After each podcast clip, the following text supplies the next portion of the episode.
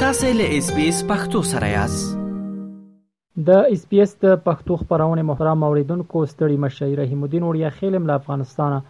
تاسو ته د افغانستان او سیمې د تیر یوې ونې مهمه پیښه وړاندې کوم هله د چتر پای مې ملتیا وکوي د افغانستان په خوانی ولسمشر محمد اشرف غنی د تیر ونې د شنبه شپه په خپل اختریز پیغام کې له اسلامي نړۍ وغوښتل چې له وسلوالو طالبانو سره استدلال وکړي هغه په دې پیغام کې وویل اسلامي نړۍ د خدای په فضل د یو لوی مثبت مسیر خواته روانه ده ضرور ده چې دا مثبت مسیر او بهیر له طالبانو سره شریک شي او د دوی اساسي اصول قواعدو او ټکو ته متوجه شي نوموړي په دغه پیغام کې همداراز وویل جبر افغانستان ته ثبات نشي راوستلی محمد اشرف غني وویل، یو نظام هغه وخت دوام کولای شي چې د ولس اراده ورسره وي او دغه راز یې په افغانستان کې د ملي یووالي پر ټینګښت هم ټینګار وکوو. غني د نجونو د تعلیم د اهمیت په مورد کې وویل، ټول بین المللي تجربو ښودلې ده چې د یوې نجلۍ تعلیم پنځه نسلونه بدلولی شي او د یوه هلک تعلیم یو نسل بدلولی شي. په کومه کورنۍ کې چې یوه ښځه پوهه ولري، هغه بهترینه مسلمانه کورنۍ ده. هغه پر دې خواشیني وښوده چې په افغانستان کې خلک له لوږې سره مخامخ دي، خو د افغانستان شتمني په هغو پیسو چې هره ورځ خپل ارزښت له لاسه ورکوي، نورو ځایونو ته صادرېږي. که څه هم وسله والو طالبانو تر دې دمه د ولسمشر غني د یادو څرګندونو په اړه کومه تبصره نه ده کړې، خو تر دې وړاندې یې د یادو ستونزو د حل ژمنه کړې ده.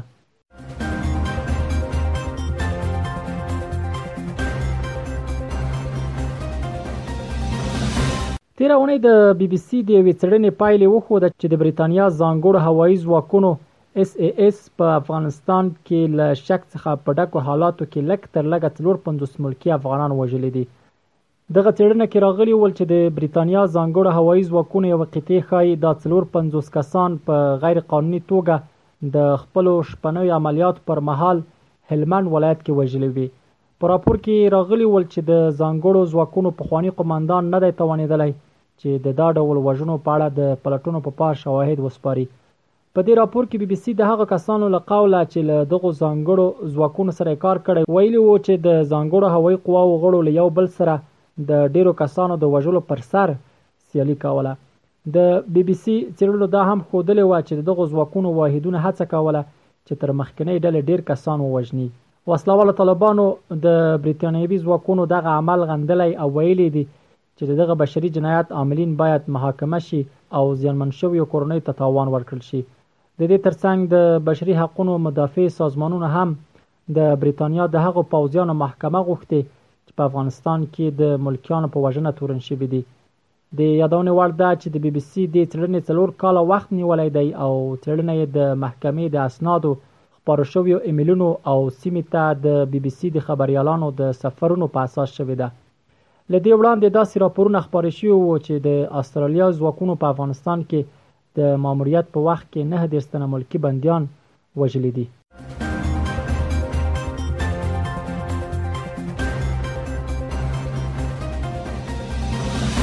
ازبکستان به تر راتلونکو دوو اونیو پورې د افغانستان په اړه د یو نړیوال کانفرانس کوربه وي چې طالب چارواکي هم ورته بلل شوي دغه خبره تیر اونۍ د ازبکستان د بهرنیو چارو وزارت د یوې خبرپاڼې په خبرولو سره وکړه په هغه خبرپاڼه کې چې د وزارت په خپل ویب پاڼه خبره کړې و راغلی ول چې تاشکند په دوه اونۍ کې د څبان د شلو هیوادونو او نړیوالو موسسو استازي جرګه کوي چې په افغانستان کې د روان حالت په اړه خبري وکړي د وسله والو طالبانو سرپرست حکومت هم تاییده کړې چې دې ناسته کې به د دوی د بهرنیو چارو وزیر ګډون وکړي. د یادونې ده چې دې ناستې د اجنډا په اړه لا ډېر څه نه دي ویل شوي او دا هم لا روښانه نه ده چې کوم هېوادونه به دې کانفرانس کې ګډون کوي.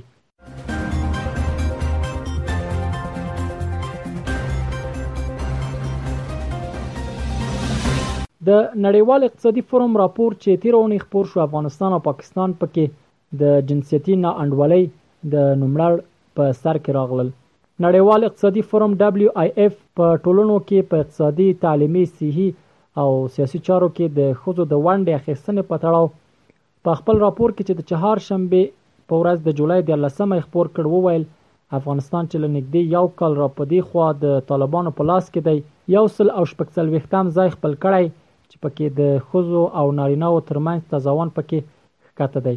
پاکستان بیا د دې لست له مخې یوه شمېره تر افغانستان بهتره دی او پنځه څلوېښتم ځای کې دی. ایران هم په دې برخه کې په هغو پنځو وروسته پاتې هېوادونو کې یو دی چې د ښځو او نارینهوو انډول په کې کمزوری دی. د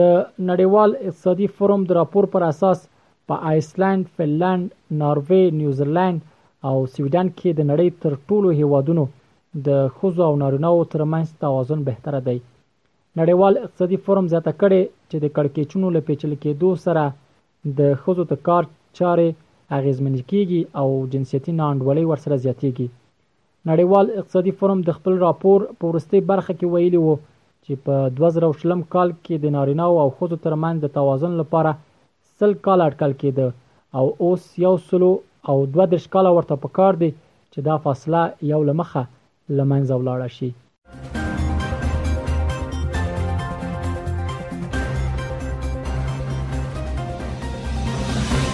د تیرې اونۍ د پای موضوع هم دا چې د کډوالۍ نړیوال سازمان تیرې اونۍ په خپل یو راپور کې وویل چې په افغانستان کې تیرو لسو کلونو کې نږدې شپږ میلیونه خلک بې ځایه شوي د دغه ارقامو پر اساس د 2012 څخه نیولې د 2022 د می تر میاشت پورې څه باندې 15.8 میلیونه افغانان هیواد کې دننه بې ځایه شوي دي. راپور کې راغلي ول چې په دغې ډله کې 1.8 میلیونه خلک مجبور شوي دي چې خپلې سیمې او خپل کورونه پریږدي. په دغه راپور کې همداراز ویل شوي وو چې له دوه زره او دولسم کال را په دې خوا څه باندې لس میلیونه هغه خلک چې مخکې بې ځایه شوي وو، بېرته خپلو سیمو، کلیو او بانډونو ته ستانه شوي دي. همداراز د دې سازمان د شمېرو له مخې پنځه اعشاریه شپږ میلیونه ډېر خلکو له افغانستان څخه د باندې په دې موده کې مهاجرت کړی او همدومره نور کسان بېرته افغانستان ته راستانه شوي دي. دغه سازمان وویل چې دوی په دې اړه لا څه باندې شپږ اتیا زره کسانو سره مرکې او خبرې اترې کړې دي. همداراز راپور کې ویل شوي و چې په افغانستان کې تر نیمایي ډېری کورنۍ د ګټې وټې هېڅ منبع نه لري.